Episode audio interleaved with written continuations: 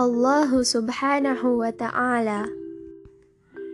أيها الولد العزيز الله سبحانه وتعالى هو الذي خلقك وحسن صورتك بأن أعطاك عينين تنظر بهما الأشياء وأذنين تسمع بهما الأصوات ولسانا تتكلم به.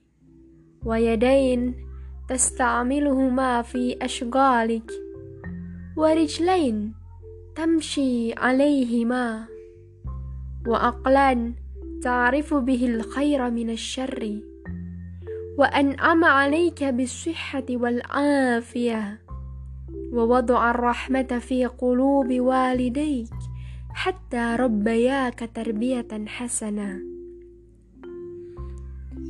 فيجب عليك أن تعظم ربك وتحبه وتشكره على جميع نعمه بأن تمتثل أوامره وتجتنب نواهيه وأن تعظم أيضا جميع ملائكته ورسله وأنبيائه والصالحين من عباده وتحبهم لأنه تعالى يحبهم.